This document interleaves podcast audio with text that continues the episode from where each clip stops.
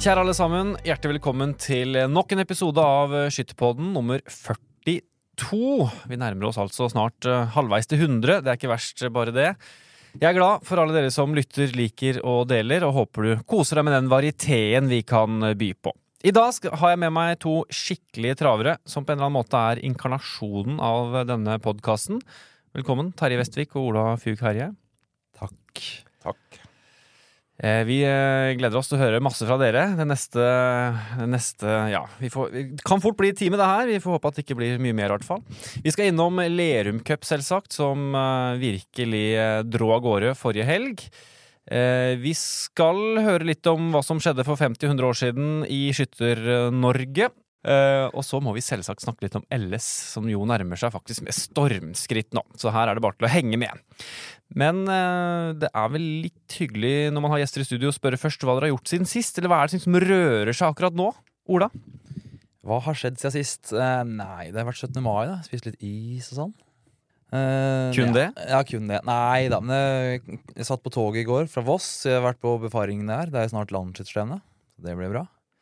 Eh, nei, hva har skjedd siden sist, da? Det er litt forskjellig. Det er blitt sommeren her, da. Det er deilig. Sommeren på Østlandet. Ja. Ja. du kom i shorts og T-skjorte i dag, du. Mm, Ja. Jeg gjorde det. Ryktene sier at du har skutt. Ja, ja det, det ryktene sier det. Jeg har skitt Var Urskogstevne var jo for to uker siden. Da var jeg standplassleder, så da fikk jeg skyte litt før jeg skulle være standplassleder. Så det var bra, det. Det gikk bra, Terje. Du, du sitter på resultater, du, gjør du ikke det? Ja da, han skal 3.43, så han er nok en av dem som vi skal kjøre opp litt nå når det nærmer seg landslagsstevnet. Ja. Ja. Kongelaget, Kongelag, ja, kongelag. Kongelaget i år. Anne Ja. Ingeborg kom inn til standplassen etter at jeg, hun hadde skutt. Da spurte jeg om hun slo meg, så sa hun at jeg slo henne med 100 poeng. Så det er, det er der det ligger. Det er der det ligger. Ja, 100 poeng. 100 poeng. Det passer seg en utdanningssjef å Ja. skyte i det vaset der. Det Ja. gjør det, altså. Så det, det gjorde du bra, Ola. Ja, Klasse 5-skytter Ola Fugh Herre der, altså. Ja, mm, Snart. mm, snart. Terje, da? Hvordan eh, Ja, det er jo lenge siden du har vært med nå, egentlig. Så hva som har skjedd siden sist, blir kanskje litt mye å dra igjennom. Men hva, hva er det som rører seg om dagen for deg? Ja, jeg tror det er tre måneder siden jeg var her, så jeg har hørt på podkasten. Det her har jeg gjort siden sist. Eh, og det har jo klødd litt i å kommentere en del av det som har vært sagt. da. Det blir jo litt sånn, da. Ta noen poenger, da. Men eh, sånn er det nå. Eh, nei, litt forskjellig. Ja. Jeg kan jo si at jeg har jo skutt, jeg òg, da. Men på et lavt nivå, da. Det er jo noen som må holde breddeskytteren i gang òg. hadde ikke du vunnet noe greier, da? Ja, eh, jeg måtte jo si det, da. At jeg vant i tredjeklassen. Det var seks skyttere i helga. Det, ja, Ja, ja. 3-26. Ja, ja. Det er en helt annen greie, da. Men jeg skal, noen på skytterkontoret må holde det nivået der også, og være blant bredden. Eh, nei, eh, Voss snakka han jo om. Ja. Det har faktisk vært to turer på Voss nå de siste 14 dagene. Først en større befaring med arenaproduksjon, NRK og hele logistikken. Det er en stor jobb som skal gjøres og klarlegges der. og og arrangørene er veldig i rute, så her er det bare å kaste seg over og, og melde seg på, rett og slett. Eh, mye logistikk, da. Eh, hvor skal publikumsområdet være? Hvor skal oppropsteltene være? Hvor skal det gå, gåes inn på standplasser? Hvilke dører? Sånne ting som tar som en selvfølge som skytter når han kommer dit, men det er mye planlegging på det, da. Så en liten greie bare sånn siden i fjor at vi ikke var fornøyd med at f.eks. på 100-meteren de går bare rett inn eh, oppropsteltet like ved standplassen og får liksom ikke gå gjennom publikum og motta hyllesten og klapping. Nå skal vi prøve å få til det i Voss, at det blir innmarsjer også på 100 meter.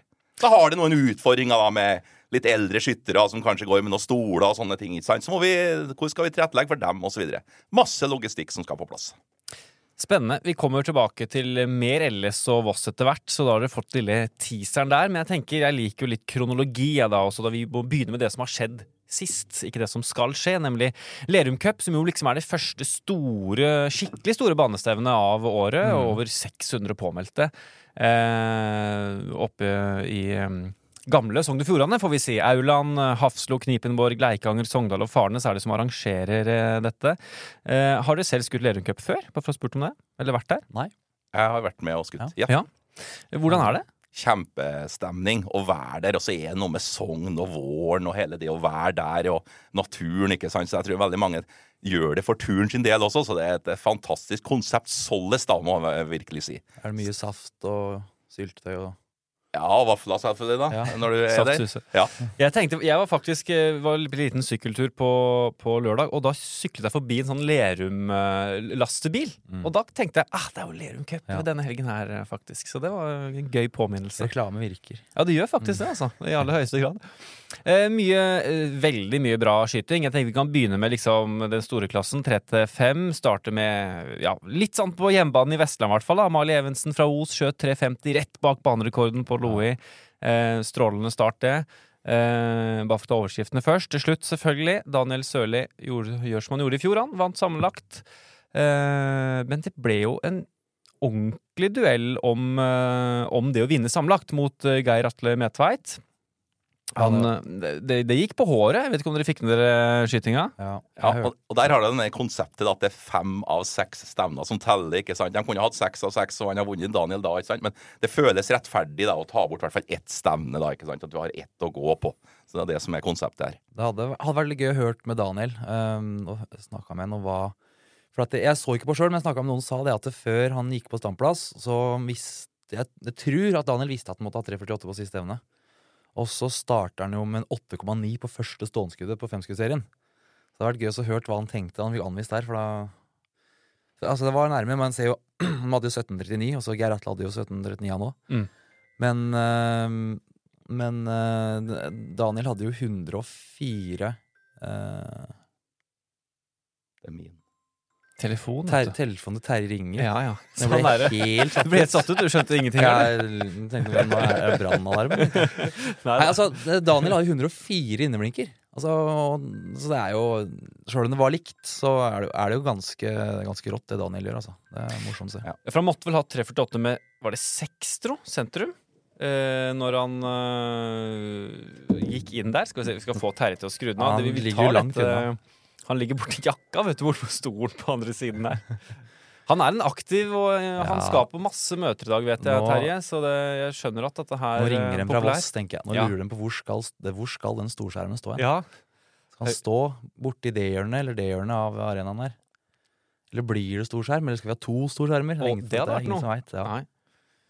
Det, det, ja. Nei, men uh, vi skjønner at Terje er en populær mann, altså. Han er jo heldigvis en eh, mann som er lett å eh, få tak i, og det ser vi her. Det ordna seg. Beklager. Det går bra. Terje er tilbake. Altså, ja, så, ja, Daniel, det er imponerende. Nå skyter han jo for feil skytterlagsside. Han skyter jo ikke for Urskog lenger, men, Nei. men det, Er det tøft for dere? ja, det var litt tøft. Det. Ja. Ja, ja. Men, Sånn men, men Daniel viser at han er i form, da. Ja, I er 2023-sesongen også. imponerende. Og ikke minst det, det mentale han viser, da. Ved at han skyter en 8,9. Han vet at han må Altså, jeg, Da veit jeg ikke om han veit, da. Men Nei, det er greit nok, men han vet jo at han må skyte bra. Ja, Det vet han jo. ja, og når du får en åtter da, så vet du at det bør jo være i tieren herfra og inn. Altså, Mm. Det vet han jo uansett. Om man ikke man har ja, ett eller to å gå på, det er jo greit nok, men eh, det er noe med å stå imot presset gjennom resten av eh, skytingen, da. Ja, ja, ja. Er du gæren. Det, det er ikke tvil om det. Så det, var, det er imponerende. Og det er jo som du, som du sa, Amalie Evensand 350. Det er jo flere her. Det er jo, det er jo ja, mange som har skutt 350 også. Kjetil Skaar, for eksempel. Ja. Eh, Han også skjøt en del bra Ja. Han vant vel ett av stevnene, tror jeg. han vant sikkert det. Han, ja, han vant det Han vant stevnet på 350, selvfølgelig. Da vant han med to poeng også. Ja. Og det er jo kjempe Altså, det er gøy å se. Altså, det, Mye bra skyting. Ja, masse morsomme poenger når du ser resultatlista. Og for eksempel at Jeanette Hegg Duestad er med og demler på med masse stevner ca. rundt 3.45, Ja. som egentlig ikke imponerer noen. Jeanette Hegg Duestad, som jeg nå regner som Norges beste kvinnelige idrettsutøver, og drar altså på et skytterstevne og blir langt ned på lista. Jeg mener at hun er det, da. At hun er den Norges beste idrettsutøver uansett idrett. Glad hun ikke er mann, for da har hun slitt litt mot Haaland, tror jeg. Det, ja, du har jo noen kvinnelige fotballspillere òg, da. Ja, Som men er eh, noen Champions League-finaler og litt sånn. Men, Jeg vant ikke Ada Hedeberg nå? For Lyon? Jo. Gjorde du ikke det? Jo da. Men, men ja da, men altså, Jeanette Hegg også har jo vunnet Eller hun ble nummer to da i verdenscup uh, nylig, eksempel. Altså, hun er jo god, og som du sier, skyter 3,45. Johan Jon Herman Hegg var jo der også. Ja, Jon Herman Hegg da, kanskje seg på et lavere nivå, da. Kom seg ikke over 340 engang. da, Faktisk sant? to ganger i løpet av stevnet. Jeg ser på lista her at hvis du, du rangerer deg som Norges beste idrettsøver, men er den fjerde beste jenta her, da. Ja, Ikke sant? så, det, Så både Amalie Evensen og Mette Elisabeth Finstad er ganske høyt oppe på lista over Norges best, beste Ja. kvinnelige idrettsutøver. men jeg tenker så, jeg jeg så en sånn ranking nå, sånn verdensranking, der er Jeanette er på topp da, i verdensrankingen. Og der er det altså land som India, Kina, USA Altså land som fotball, eh, Ola, du som er interessert i det. Ikke, de er ikke så gode i fotball i India, vet du. Det er ikke det, altså. Men de er du- veldig mange. India vant jo sitt første OL-gull noensinne i historien i skyting. Ja. I 2008, var det ikke? 12, ja. Oi, så de vant ikke før? Nei. Ah, det var, det En milliard mennesker. Ja, Og det og- måtte skyting til. Og Kina og India til sammen med skyttere, altså det er veldig, veldig veldig Ja, mange. Det er. De har jo sånn 60 000 på Landsstevne. landsmesterskap. mester- Ja, På det det Ja, i Kina. ja. det er 60 000. Det er greit. Ja, Vi skal tilbake til deltakerantall på Voss seinere. Vi håper nok ikke på 60 000 i år, selv om det hadde vært eh, fryktelig ja, Hadde det vært gøy? Kanskje litt for mye, Det egentlig? er mye, mange minnemedaljer, altså. Ja, mange. jeg tror vi måtte utvide med noen flere skiver, men det har jo vært 50 skiver, så har vi jo brukt en par måneder. da. Har ikke Ja, ja. fint? Jo da, det hadde vært deilig. det. sommeren Hvor mange skiver har de har da? De har 60 000 hele dagen. Studietur? Jeg, jeg tenker studietur, jeg, Terje. Ja, det blir nydelig med en studietur dit. Mm. Vi får ta det. Sjekke litt i forhold til innendørs Dere gjør får gjøre som Skatteetaten, reise på business class. Det ordner seg bra. Ja, Eh, det gjør vi alltid. Hæ? Ja, Det gjør du alltid. Ja, ja, null stress. Eh, nei, men det, det er morsomt som du sier, da. At uh, Jeanette Hegg Dusa, som leverer internasjonalt, riktignok litt andre kaliber òg, da, skal sies, men kommer eh, til, eh, til Lerum med saueren og klarer ikke å prestere, hvis vi kan si det, da, mer enn 3,45. Ja, men jeg sier det med gåseøyne her, altså. ingen av resultatene under 3,44. Ja, nei, jeg skjønner hva du mener, men ja. Ja, det er mange som skjøt 3,50 flere ganger, ja. Det er det. Det er blitt for lett å skyte. Det er blitt for lett. Ja. Og, og, og, og som vi snakket om, Henrik, jeg tror vi snakka om det med Jeanette, og har jo sagt det sjøl. Det å bli skytterdronning, det vil nok hun også sette altså, det er noe hun kommer til å jobbe veldig hardt for å bli, også i tillegg til den internasjonale karrieren. For det er liksom da du er blitt den store skytteren, da, og blitt skytterdronning eller skytterkonge. ikke sant? Så det, det er noe med det at uh, sjøl de internasjonale skytterne ønsker også å, å, å nå opp i DFS, da, for det Ja. teller så mye. Det er litt rart, det der, egentlig. Det er, Ja. Det sier litt om hvor høyt det henger, og det er jo en tradisjon over mange år som jeg tror på en måte har satt seg veldig i. Ikke bare skyttermiljø, men det er en tittel som mange kjenner til i Norge, tror jeg. Jeg tror det forsterker litt den Ja. skytterkongetittelen, eller dronning selvfølgelig, for Jeanette sin del. Og hun sa jo det på podkasten her, det er faktisk et veldig viktig mål i karrieren hennes. Mm. Jeg må ta dette poenget da med Ole Andreas Lille Olsen, altså, som da i- neste år så skal det være OL i Paris. Og da han altså vår største sommerolympier gjennom tidene. Visste du det, Ola? Ole Andreas Lille Ja. Olsen. Fem OL-gull. Ingen har det i sommer-OL i Norge. Når du googler han, så kommer det opp 'skytterkonge' i er Kongsberg 1918. Ja, er- Og det vil altså si at dette er selvfølgelig viktigere enn fem OL-gull. Det er litt morsomt, faktisk. Spørs hvem som har skrevet den Wikipedia-siden. kan Men, hende det var en DFS-er. Ja, men, men, men, men, men det er et godt poeng. Ja. Det, det, når han besk- beskrevet av mange andre også, for han har jo en svær gård og Grefsen og alt det der. Men så er dette med OL-gullet de blir liksom nedtona. i forhold til at, Så det viser jo at skytterkonge i 1918 også var veldig stort, da. Mm. Og jeg tror jo, hvis du spør en vanlig mann eller kvinne på gata hvem Ole Andreas Lillo Olsen er, tror jeg veldig få vet det svaret. Ja. Men, eh, og mange vil tippe at hvem har mest vinnende? Nei, kanskje Andreas Torkelsen eller eh, Olaf Tufte eller Eirik Verås Larsen eller noe sånt. Det er få som vet hvem en så stor skytter er. Det var mange skytterøvelser da på 20-tallet i OL, det, skal vi, det må vi si. Og tre av øvelsene var i lagskyting. Vi skal ikke snakke ned Ole snakker absolutt ikke. Lille nei. Absolutt ikke. Det var eh, tre til fem. Vi må snakke litt om de andre klassene òg, da. Det var jo mye, mye bra, og eh, man kommer ikke utenom juniorklassen her. Etter fem av seks tellende stevner så skiller det altså tre innertiere på de tre Ja. første. Det er ganske sjukt. Altså, det var tre stykk på 1746. Ørjan Frøysdal Hauge, Vegard Fjærli og Nora Odland Flatås. Ørjan får 129 innertiere. Eh, Vegard 128 og Nora 127. Det er jo helt eh, Ja, det er eh, ja, høyt. Er det ikke det? Dere som har vært med i mange år? Altså, Jo, dem, ja, det, er det. Det er ganske bra. det. Så jeg ser det er ganske bra deltakelse også i klasse junior. Det, Mm. Det skal være sagt at nå sitter dere med PC og Nei, bare. det Det gjør ikke jeg. Jeg eget jeg husker- Jeg du husker, jeg husker ett navn fra det som imponerte meg i helga. Uh, Vi skal sikkert snakke om Odd Kolsrud. Men Marius Færhagen fra Åsen altså, har vært vel den nest beste skytteren, eldre rekrutt. Eh, Jeg har sett at er skutt godt, men ikke så godt. Det Lappa han ikke til med seks ganger 350 med en haug med innertiere. Det, 130. jeg ser det. Jo, han hadde Jo, han fem, var, fem, eh, veldig imponerende. Fem ganger 350. Ja.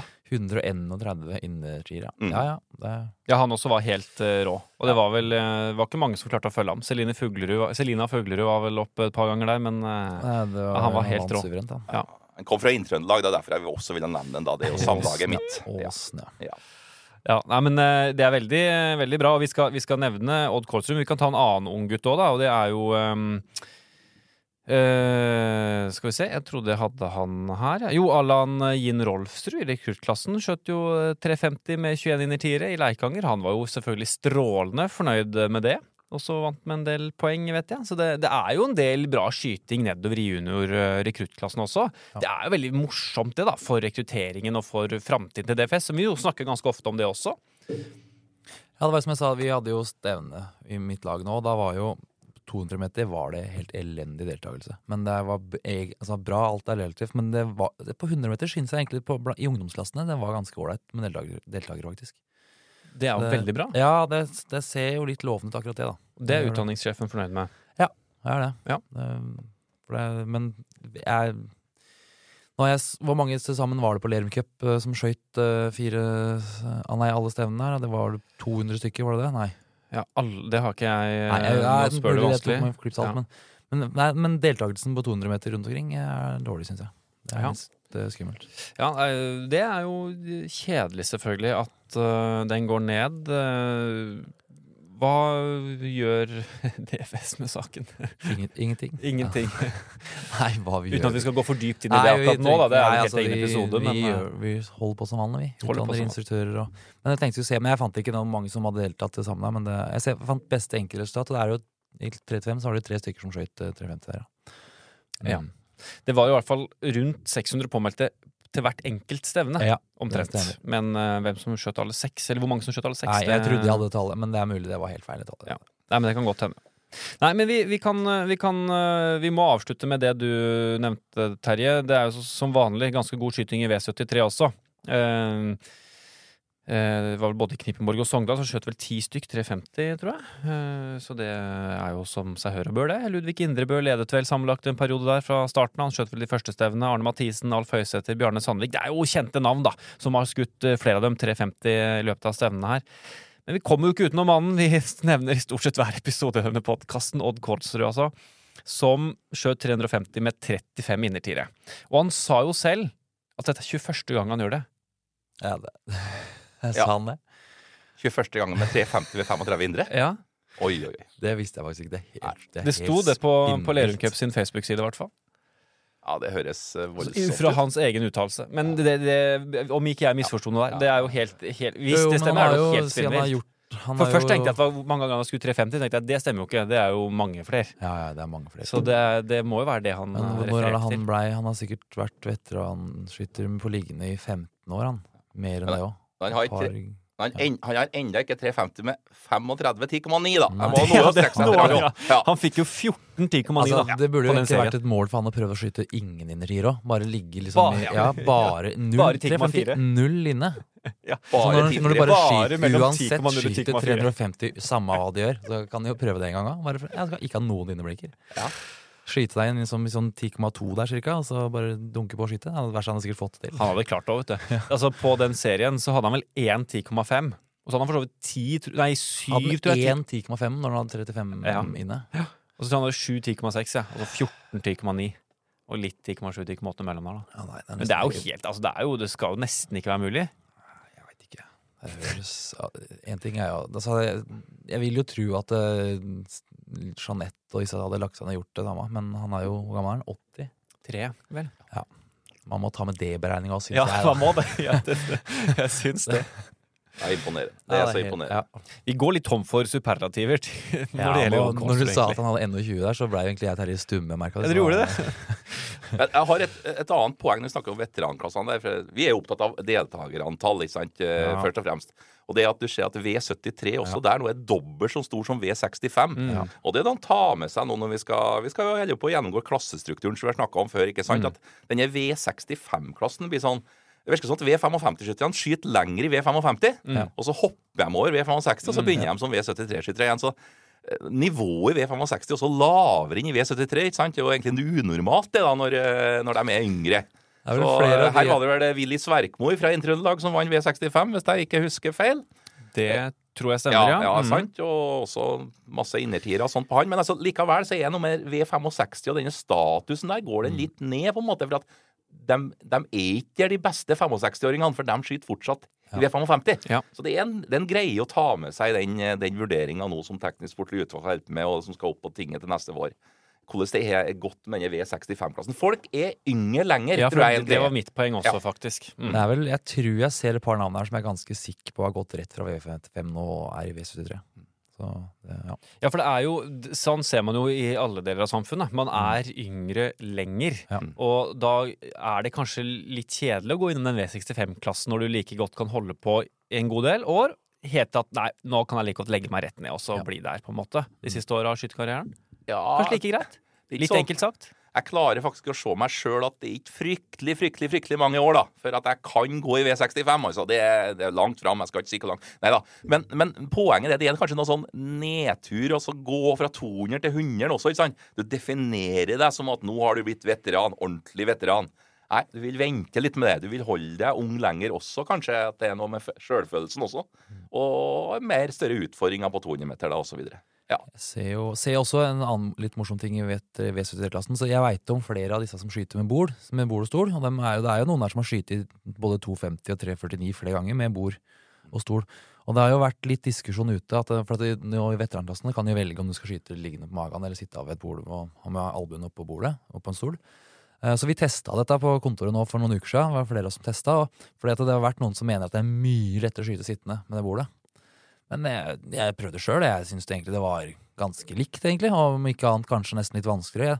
Så, så jeg tror egentlig det er en veldig fin, eh, fint alternativ for dem som eh, Robert Larsen skyter vel Ja, Robert Larsen- og han skjøt jo 250 med 17, faktisk, Ja, ja, på et av stevnene. Så at eh, det er ikke Jeg tror heller det at det med at man kan skyte ved det bordet, at det gjør at flere kan skyte lenger. For det er mange, som, mange av de eldre som sliter med å ligge på magen. Du kan legge, prøve å legge det ned på magen, og så løfte opp huet. Liksom, og ligge sånn i Nå løfta jeg opp huet som jeg ikke snakka mikrofon. ligge sånn i 40 minutter. Da blir du sliten nakken. Og hvis du da er stiv nakken fra før av, så, så det med bord, det, ja. det var litt avsporing. Men ja, jeg bare ser det på lista.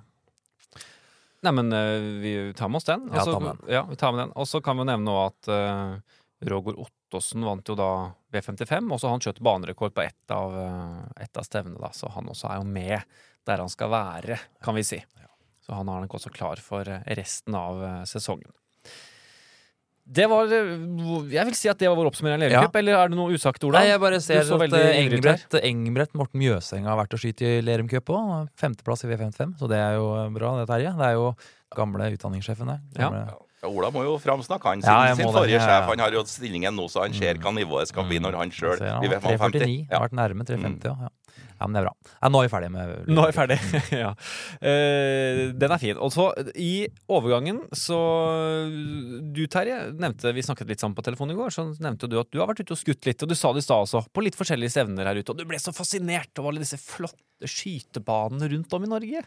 Ja, det er ikke noe nytt for Det meg, er det. da. Det er masse skytebaner rundt om i Norge. vi kan ta det opp igjen, da. 750 utendørs baner. Og det er, dette er altså Norge, altså. Dette er Norges land. Alle disse skytebanene som er Det står skytebaneskilt her og skytebaneskilt her. Også så flotte anlegg. Så når vi skal framsnakke DFS i dag, og Det frivillige skyttervesen i dag, så er liksom det baneanleggene vi har, altså det må være vår største styrke.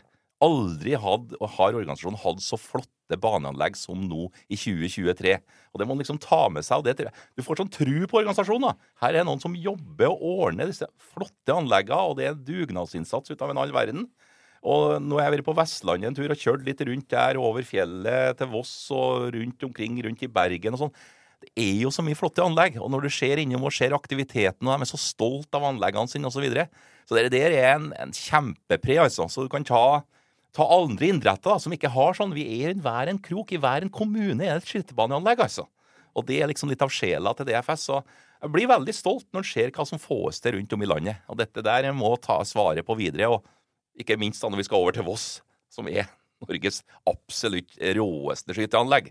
Så eh, dette der kan vi i DFS, å bygge flotte skytebaner. Og det er jo avgjørende for rekruttering òg, at det er lett tilgjengelig det du skal drive med. Ja. Så det er jo avgjørende at det er på hver en krok og knaus og hvor enn man finner en skytterbane. Og når jeg kjører sånn, så tenker jeg også på alle disse fine folkene. Jeg kjører forbi steder og sånn tenker jeg, ja, der er han skytterlagsmann, der er hun skytterlagsmann, der har vi den skytteren. Og det er jo så mye gode folk å snakke om. Og så var jeg, jeg, jeg har sagt det nå Trenger ikke ha medlemskap i NAF. vet du. Det er bare å ringe skytterlagslederen. Jeg vet ikke, ja, men fikser alt hva som skjer med bilen og sånn. Men så at jeg kanskje er litt privilegert for at jeg kjenner alle disse folka, men det er bare å ringe en, så ringer en, så ordnes det. Det er praktikere rundt i det norske land, altså. Og det å være stolt av hvordan vi har kulturen i de, frivillige skytterfestene, det må jeg virkelig se over skytterlagene. Flott, og det, det tar oss over på neste, for du nevnte det så vidt. Og et av kanskje de mest spektakulære stedene det er bygd en skytterbane i Norge, det er jo på Voss. Eh, jeg må innrømme at jeg har faktisk ikke vært der ennå, så jeg gleder meg veldig til eh, slutten av juli. Hvor vi skal til, eh, til Voss og LS, som tar oss over i LS-praten. da, fordi nå er det altså Dette burde jeg jo regna på, men nå er, det jo 20, nå er vi jo i slutten av mai, så det er faktisk bare to måneder til det braker løs med landsskytterstevnet 2023. Det er på en måte det andre etter korona. korona. Så vi er på vei liksom opp igjen etter eh, koronaen. Eh, og jeg vil, liksom, jeg vil begynne der du snakka om at nå må folk melde seg på, sa du Terje. Det er vel 15. juni som er den eh, datoen, så det begynner liksom å haste litt nå, fordi hvis jeg snakker litt om påmeldingstallene, da. Det som ble lagt ut på DFS sine hjemmesider her eh, 21. mai, viste jo 2100 påmeldte. Mange vil jo si at det er veldig lavt. Men kan vi forvente så veldig mye mer i disse post-korona-landsskytterstevnene? Ja, vi håper jo på mye, Jo, mye mer enn det, altså. Ja, mer enn det, altså. ja. Men altså Men det Hvor er mye noe- mer kan vi håpe på, da? Ja, det er noe med det nå at man ikke må skru forventningene helt til toppen. Vi, vi var jo også i Bodø i fjor med 2007 eller noe sånt, hva vi havna på der. Og da var det litt, en, en, litt kanskje noe som kan sies at det er Nord-Norge, det blir litt færre skyttere der. Men vi må ha litt tålmodighet nå, tror jeg, på hvor, å, å komme på, den- tilbake til normalen. Eh, vi ser vel kanskje når Steinkjer neste år, så har vi Kongsberg. Kongsberg tror jeg blir også noe som folk vil strekke seg etter for første gang siden 1959. Kongsberg, ny bane osv. Så, videre. så vi, vi, må, vi må ikke snakke ned uansett hvilket tall vi havner på slutt, uten at vi skal spekulere i det. Men vi må oppfordre hverandre nå til å bli med. Og første året nå annet med at vi har kikkertklassen med. og og jeg føler at det er en veldig god stemning om å være med også. Altså. Og de gjør mye, mange skytterlag på Vestlandet. Jeg har hørt om Leikanger, noen som kommer til å tromme sammen veldig mye folk til å delta på, på Voss. At det er noen sånne lokale initiativ. Og sjøl var jeg på Sunnhordland på skytterstevne, og det lå ut eh, brosjyrer om å bli med til Voss osv. Altså, det har man gjort sjøl. Laga eh, reklamemateriell. Og det er så gode initiativ, da. Det er så viktig å få med seg denne LS-kulturen for ungdommer som kommer opp, som har mista det da, i to årene vi ikke hadde landslagsstevne. Så det er noe å, å snakke med folk i skytterlagene. eh, Og, og bli med på landslagsstevnet. For det har jeg snakka til deg, Henrik, om før. ikke sant? Tidligere var jeg skytterlagslederen som meldte på alle. Og så ringte rundt skal dere på landslagsstevne, skal dere på landslagsstevne. Alle ble spurt. Mens nå er det hver enkelt som må ta initiativet og melde seg på sjøl. Men da må det fortsatt snakkes om i skytterlagene. Skal du på landslagsstevne, Ola? Ikke sant? Skal du dit? Du skal vel være med oss? Vi skal jo på skyttercamp. At, at det fortsatt ikke bare blir en individuell greie, da, for da kan det smuldre opp. Så, eh, så det at man skal på landslagsstevne for et ferietur og alt det der også Voss er jo kjempeflott. Kan ikke reklamere nok for alt du kan oppleve der. Klatrepark og alt mulig rart. Ja, det er fint, så det er Ta seg en tur til Voss, altså. Unn seg riktig på det. Og ikke minst, som du sier, dette skyteanlegget, hvis de ikke var der i 2012, det må bare oppleves. Alt er større på Voss. Ja, det er svært. Det anlegget er svært. Jeg var der i går. Det er over i år, så ja. Hvordan er det å komme inn der? Det er, det er jo stort. Det er jo den, du får jo den fjellveggen der, da, så er det jo, og den sletta er jo kjempesvær. Og det er jo, hvor mange, Jeg vet ikke hvor mange folk du kan ha på den sletta. Det, da kan vi, der kunne vi hatt landslagsrenn med 60 000 på den der. Ja, det har sikkert gått 50 000 der hvis det har trykka sammen. Det er jeg helt sikker på. Og det er jo en av de utfordringene vi har faktisk for at arenaen er så stor, at vi må begrense publikumsområdet. Det klarte vi ikke helt i 2012, for da var jeg spredd litt utover. Og når du så TV-bildene, så var det sånn Ja, det var en som sto der, og en som sto der, men det var jo tusenvis da òg, men det er jo så stor eh, flate. Så nå har vi trykt sammen publikumsområdet mye mer, da. Ramma inn det mer, så at eh, folk skal stå litt tettere. Det føles liksom litt unødvendig, for folk liksom vil jo stå litt her og litt der, men her må du da på et eget definert område for å se storskjermen og for å være i det innmarsjområdet, oppropstelt osv. Og så, det er jo veldig viktig det du sier med påmelding, da, bare for å ta liksom, avslutningen der. holdt jeg på å si. Det, vi kommer sikkert til å minne om det i slutten av sendingen også. Men uh, den LS-følelsen er jo også litt annerledes enn et vanlig stevnefølelse, selv om det er Norgescup eller Lerum Cup eller sånne ting. Ja. Og det å få disse unge til å oppleve det, oppleve nett, det er jo et mesterskap, egentlig, som man kan få delta på hver og en, og hele bredden. Det er jo egentlig en fantastisk mulighet. Ja, Det er ikke bare litt forskjell. vet du. Det er jo som at du spiller fotball i Norge i sjette divisjon eh, hele året, og så plutselig skal du spille på Wembley. Det er, det er ganske stor forskjell på et vanlig stevne og, og landslagsrenn, altså. Jeg ser at det er 2300 påmeldte nå. Ja. det, så det har økt, jeg har økt vel med 200 i uka, var det det Geir sa? Og nå har det da økt med 200 nå på noen dager, så det er bra. Og jeg ser jo det er jo et familiearrangement, for når, du går inn på oversikt på nettet, så er det jo alfabetisk nedover. Det er jo det er jo liksom det er jo, Nedover her så er det bare samme etternavn. Det er Gulltvedt fra Ås, det er Kvarme, det er Olsen. Det er jo bare familier som drar. Så det er jo Landslagsrenn er et familiearrangement, og det er jo godt å se det at det, at det er mange som eh, eh, reiser sammen og skal skyte. Ja, At det fortsatt er det. At ikke det Ja. blir en sånn man reiser én og én, men at man reiser litt som skytterlag men også familie og det som det har jo vært i alle år. da At vi fortsetter med den gode tradisjonen at det er, en, det er noe vi gjør sammen. Det er veldig fint. Ja, ja det er litt, Jeg sitter og bare scroller nedover. Her er det fire-fem Nåslund fra Aspø Straumsnes, og så er det Svensli Ja, det er, det er masse Det er familier som skal på tur, så det er godt å se. Ja, altså det er opplevelsen av å skyte et landslagsstevne og sitte i et oppropsteltet og gå ut på arenaen og gjennom portal, og du, eh, Henrik og Kristina, klapper inn nye lag og sånn. at Du får noen eh, sekunder of fame da når du går inn, i hvert fall. For da har du alle muligheter ennå. Så vet man jo De fleste er kanskje litt skuffa når de går ut, men det er noe med å skape denne følelsen der og gjøre det, gjør det større enn det er. Prøver å ha som en sånn mantra mange ganger. Så det at at det blir veldig sånn høytidsstemt da, å skyte et landslagsstevne. Nesten kanskje litt skremmende, men jeg tror også ungdommen vil, de elsker det. ikke sant? Å få lov til å kjenne på det trøkket der. Da tror jeg han kan ha med seg i en eksamenssituasjon og sitte der på eksamen og tenke du, jeg skulle til landsstevne. Jeg vet hva press er, hva det er å oppleve liksom det at det er litt trøkk rundt seg. Så det er jo jobben til deg, da, Henrik Ja. og Kristina, ikke sant? å skape dette presset. Det presset, Ja, vi prøver så godt vi kan. Og, jeg, Ja. og, og ja. Ja, nei, jeg skulle bare si, Nå slapp jo den eksamen, da. Gjorde de ikke det? det Jo, Jo, en del av de slapp jo faktisk det, da. Så da fikk de ingen fordel. Men det er jo en unik Det er, jo, det er faktisk ganske unikt i en idrettssammenheng å oppleve et sånt press så ung. Ja, jeg ser, jeg På godt og på vondt. Ja, det vil jeg si, faktisk. Skjer også det at, Og det er jo ikke meninga å skape press, for så vidt, men altså, det er jo meninga likevel å, å skape en sånn god stemning. da, ikke Ja. sant? Det er jo det som er. Og det er jo det jeg snakka om i stad her også, det at du får at de går inn, da. At de Ja, får lov til å det er gjøre det, ikke sant? Eh, at det ikke blir gjemt bort, for det er noe med det å få lov til å gjøre det. Så trenger en ikke å hype opp, og nå skyter han, og nå kommer han og skal skyte. Det gjør vi jo kanskje på klasse fem, ikke sant? Og så så tøtter litt mer på på de voksne. Men til ungdommen så er det den fine opplevelsen å få lov til å være med på noe som er litt sånn større, da. Og det, det må vi jo si. Vi, vi snakker mye om hvordan vi skal legge press, og ikke press, men en god ramme og stemning på disse yngste. Fordi Ja. hvis du kommer deg for første gang i, i rekrutt, så skal du slippe å få alle flomlys kun på deg.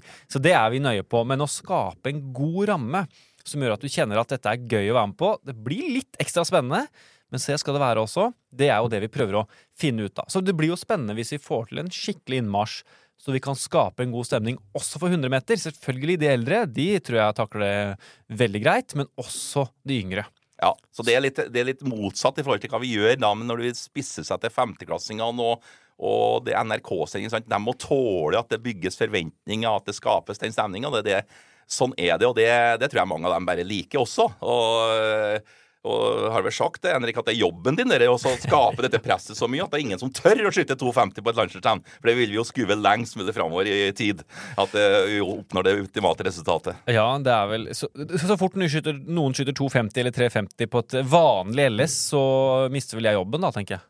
Ja, nei, altså de, det, Du har ikke gjort en god nok jobb i å skape godt nok press, rett og slett. Vi får ekstra bonus etter vinnerresultatet ved 3,45, for da klarte vi å skape god stemning, eller i hvert fall at litt trøkk, da. Da Nei, så det er noe der. Ja. Ja. Mm. Mm.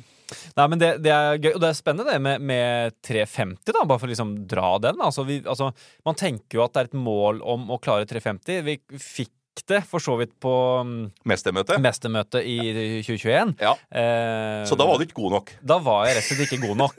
Eh, så- Det var men- Hans Christian Vear. Det var det. Ja. Men da Jeg fikk fortsatt beholde jobben. Det var ikke et ordentlig LS, det fikk vel være argumentet, da. Mm. At presset var ikke Det var jo nesten ikke Det var ikke publikum der, sånn i, i praksis. Derfor så kan vi vel si at det, det gikk an å skyte 350.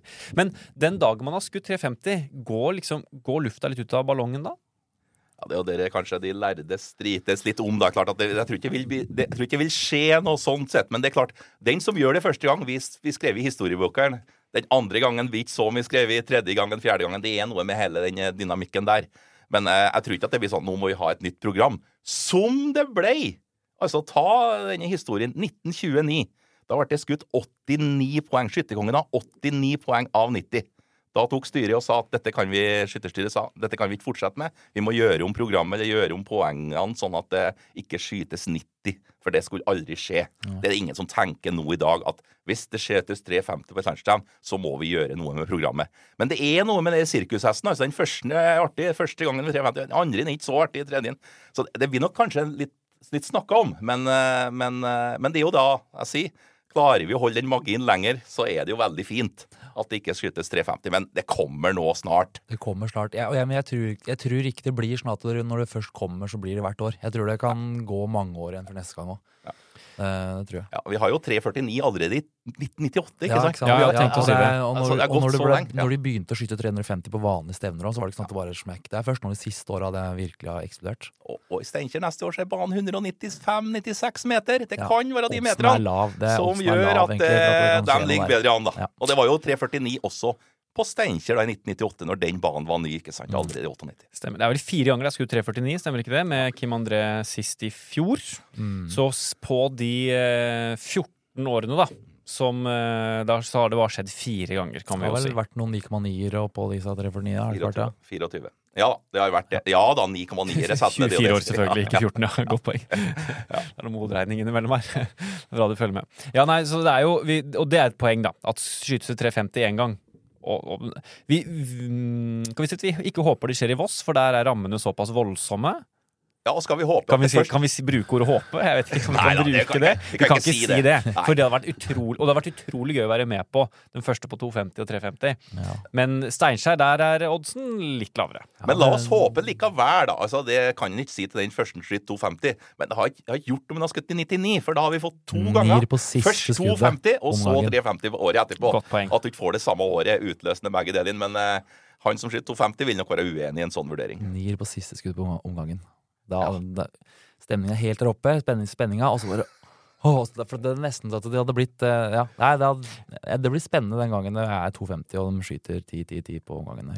Og det er jo en del 9,9-er på, på både 348 og 347 òg. Var det ikke Rasmus Løberg hadde vel to 9,9, tror jeg, på Evje? Kan ikke det stemme? Da han skjøt etter 348. Ja. Så det Dette jo hadde jo vært 350 på Steinkjerbanen. Brannfakkelen er eh, tent herfra. Nei, men eh, det er, jo, det er jo spennende, da. Og det er klart at i en idrett og sport hvor det er mye snakk om eh, resultater og poengsummer og alt mulig, så vil det jo være utrolig stas å bli den første til å klare det presset. Og prestasjonen at de har klart å skyte 2,50 og 3,50.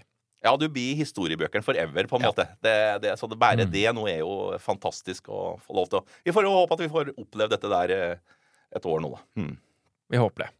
LS, altså. Det begynner øh, ja fredag-lørdag øh, i slutten av juli. Eh, det kommer litt an på antall deltakere, selvfølgelig. eh, hvor mange dager man trenger til det. Det er jo vanlig, sånn er det hvert år, så det får folk vite i god tid. Men påmeldingsfristen er i god tid før det, altså 15. juni. Oppfordringen er jo gitt allerede én gang, to ganger faktisk, og gi den en tredje gang. Meld dere på. Dette Mm. er gøy, dette vil du være med på. Voss er fantastisk, både skytterbanen, men også området. Det er mange spennende planer i Voss, det vet vi. Gondol har de fått seg Ja. siden 2012. Mye gøy å gjøre på Voss. Mm. Så det håper jeg at vi ser veldig, veldig mange på Voss. Om et par måneder bare, faktisk. Begynner det å bli klare, eller? Sånn at liksom det er to måneder til? Ja. Det er jo rart med det. Når du kommer liksom i slutten av mai og det begynner å bikke over til juni, så er det landskytterstevnet som står i huet. Jeg skal jo på Altså- møte etterpå om landskytterstevnet, har vært på befaring nå. Så ja. Ja, og så er det, veldig så, det er så kompakt der, ikke sant? Altså Felten er liksom like bak eh, 200-100-meteren oppe på høyden der, og campingen er like ved. Altså, jeg tror det blir en kjempefin stemning å være på Voss også for eh, deltakerne. Ja.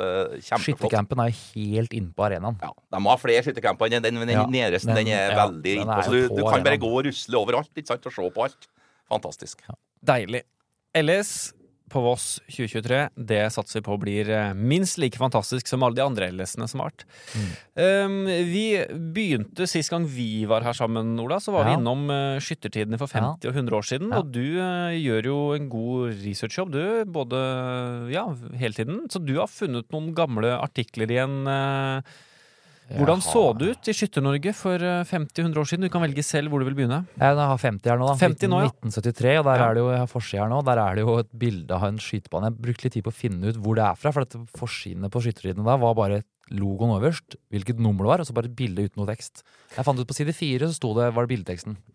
Det jo- kom ja. ja. Så men det er jo, jeg tenkte det var feltskyting, men det er faktisk baneskyting. Men det er baneskyting ute, uten tak og noen ting. Jeg vet ikke om du klarer å se hvor det er. Du klarer ikke det. Det er eh, i hvert fall et bilde fra 1973. Så det var 1973. Det er jo fra 25. mai, så det passer ganske bra. Det er Ja. jo cirka nå. Og jeg tror- tenkte det var fra Steinkjer i 19... eh, For at det var jo, Nei. nei. det var ikke Nei. Så det er blad, blad litt, rann, da. Der, er det jo, der står det jo om Landskytterstevnet som er på Steinkjer det året, som er eh, 1973. Eh, og der står det Terje, om det at det er noen der som skriver det, at det ønskelige ønskelig mest ideelt er å få konsentrert all skytingen under landsskytterstevnet på Steinkjer på samme arena. Mm. Og der er det jo, det var en debatt da, og det har jo vært litt debatt nå også. Det er jo, for der er det jo, har jo feltskytinga et annet sted. De skjøt på elektroniske skiver første gang. I 73? I 73? 73. Ah. Eh, Alf Tobiassen ble vel vinner der i 73. Ja. Ja. Og så på samme sida så var det en ting. Agnes Jacobsen, Terje, hvem var det?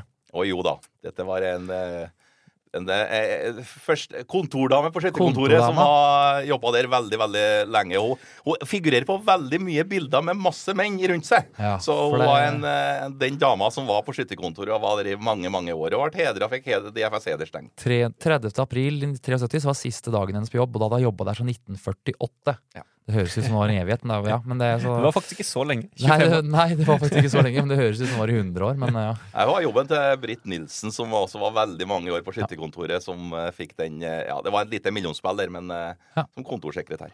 Kan jeg, kjapt Steinkjer 1973. Var, da vant Kjell Skøye Norma-pokalen. Han er foreløpig den siste, tror jeg, Terje, som har vunnet både Hagens Krus eller Aftenpostens sølvfat, kongetittel og Norma.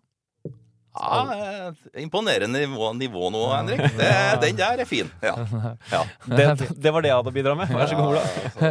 Eh, videre her, så Kjell Kristian Rike vant Notodden-stevnet med 3.35, ser jeg. Det er verdt å ta med seg. Og så var det ikke så mye der. Siste, siste nytt fra rifleseksjonen, står det. Og så er det et skytterdebatt. Terje, hadde tenkt litt på det. Oi.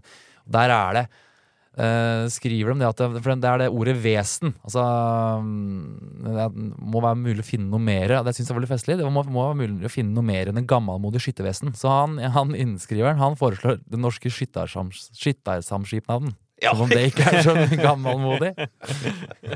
Så det var Ja. ja. Det er 50 Det var veldig sånn studentsamskipnad. Ja, det det er 50 år siden.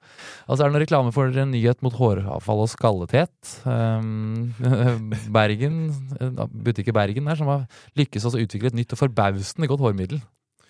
Var det en utpreget uh, utfordring i skyttermiljøet? Ja, tydeligvis. folk med Var det mye skalla mer? Var det flere? Har det blitt, har det blitt færre skalla, folk etter det her hårmiddelet, Terje? i Jeg, jeg vet ikke, men det var i hvert fall mye mer morsomme annonser. Ja, ikke sider, vi men har i noen for det var var veldig mye rart det var reklamert for i skyttertrynet. Ja, det er, det, er, det er egentlig Disse numrene her er halvparten annonser. Og her er det også en? Her står det 'Enhver skytter vet hva godt utstyr betyr for et godt resultat'.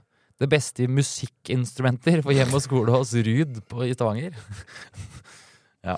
Nei, altså det var 1970... Våpen og musikk, hand i hand. ja, Ja. det var 1973, så kan vi gå da, altså, Som jeg sa sist, da, 1923 eh, ligger ikke på Nasjonalbiblioteket på nettet. Og jeg har, har ikke fått fiska med meg den boka med 1923 fra kontoret heller, så nå var det 1924. Og da er det mye mer Det er mye mer forsvarssak, politikk osv. Nå står det om en statsråd som har uttalt noe om noe med kommunister og skytterlag osv. Det er forsida. Brukes masse spalteplass på det. Eh, Jeg burde huska hva han har uttalt her, men det husker jeg ikke i farta. Men eh, det er masse å lese om det, og det står om hæ- hæren, og det står om ja. Men også står det selvfølgelig litt her, da. Her er forslag til, som skal behandles på Skyttertinget. Forslag til gavepremieutdelelsen på landsskytterstevnet. Det er tingsak, da. Og det er noen som har sendt inn om at eh, noe med rekkefølgen på hvor skytingene og når det skal bestemmes at de gavepremiene skal settes opp. Jeg syns det høres litt sånn Det kunne like godt vært nå. Men er jo, det er jo, for en som ikke har lest så veldig mye skyttertiden tilbake i tid, da, da snakker jeg om meg selv, så er det jo interessant når man blar gjennom litt og ser hvor like sakene er. Altså Ja, det- har det vært um, ja, hvis vi tenker at det er en ny debatt, så har den som regel vært på et eller annet tidspunkt ja. i, i skyttervesenets historie. Aldri noe som er nytt, vet du. Det man man. Det, det er bestandig tenkt på før, i hvert fall. eh, Og det er veldig mye, om premier, da, som Ja. du viser til her. Og så det et, altså, leste jeg bare landsskytterstevne på Gjøvik 1923. tenkte jeg, nei, kan ikke stemme, Men det var langholdsskytterstevne, og da skyter hun på 800 000 meter. Det også er jo ikke noe nytt. Eller, altså, det, eller, vi tenker at det er, langhold, det er noe som heter langholdsskyting nå, at det er nytt. Men det var helt åpenbart ikke nytt, så det var noe som skjedde. Men ja, utover det så var det ikke så mye mer. mer men eneste jeg beit meg litt merke i, Terje, hvor mange var det som jobba på skytterkontoret i 1923? For det står redaktør Johan Enger, og så står det sekretær og forretningsfører Amund Asmund Enger, og så står det flere faste medarbeidere. Ja, det, det var nok mer sånn løsarbeidere, for jeg tror jeg var tre i den Ja, ja, til var generalsekretæren. Og så eller fire med, med kasserere. Ja. Ja, altså på baksida så er det litt Hagens til opptilsikter, og Skau eh, har noe reklame der, og Olsen Maseng. Ja. Så det, og du kan kjøpe nye løp av Pål Hagen på Geilo til Kragen. Deilig. Det var 1924. Ja. Og det er jo samme år som det var OL i Paris. Du verden, eh, vi kommer, det går rundt. Ole Lille Olsen tok sine, noen av sine OL-gull. Ja. Det, eh, det, det, det faller tilbake her i en sirkel. Eh, takk, Ola, for innsikten Jo, i histo historikken. Eh, og det er, ja, det er gøy, altså. Men vi, eh, vi nærmer oss faktisk ubønnhørlig slutten nå. Det, det går fort, eh, disse minuttene. Vi får se hvordan ting går videre. Nå nærmer seg Norgescup, for eksempel. Første Norgescupen Mm. er om eh, Det blir en uke, faktisk. Ei og halv uke. Ja, Ja. Ei uke, faktisk. Det starter. Så det er ikke lenge til, så vi håper at eh, vi ser mange der. Og så vil jeg avslutte med enda en gang å minne alle på at dere må melde dere på til LS, som er i gang om bare to små måneder. Og så ønsker jeg ellers en veldig, veldig flott juni. Takk for oss. Takk for oss. Takk.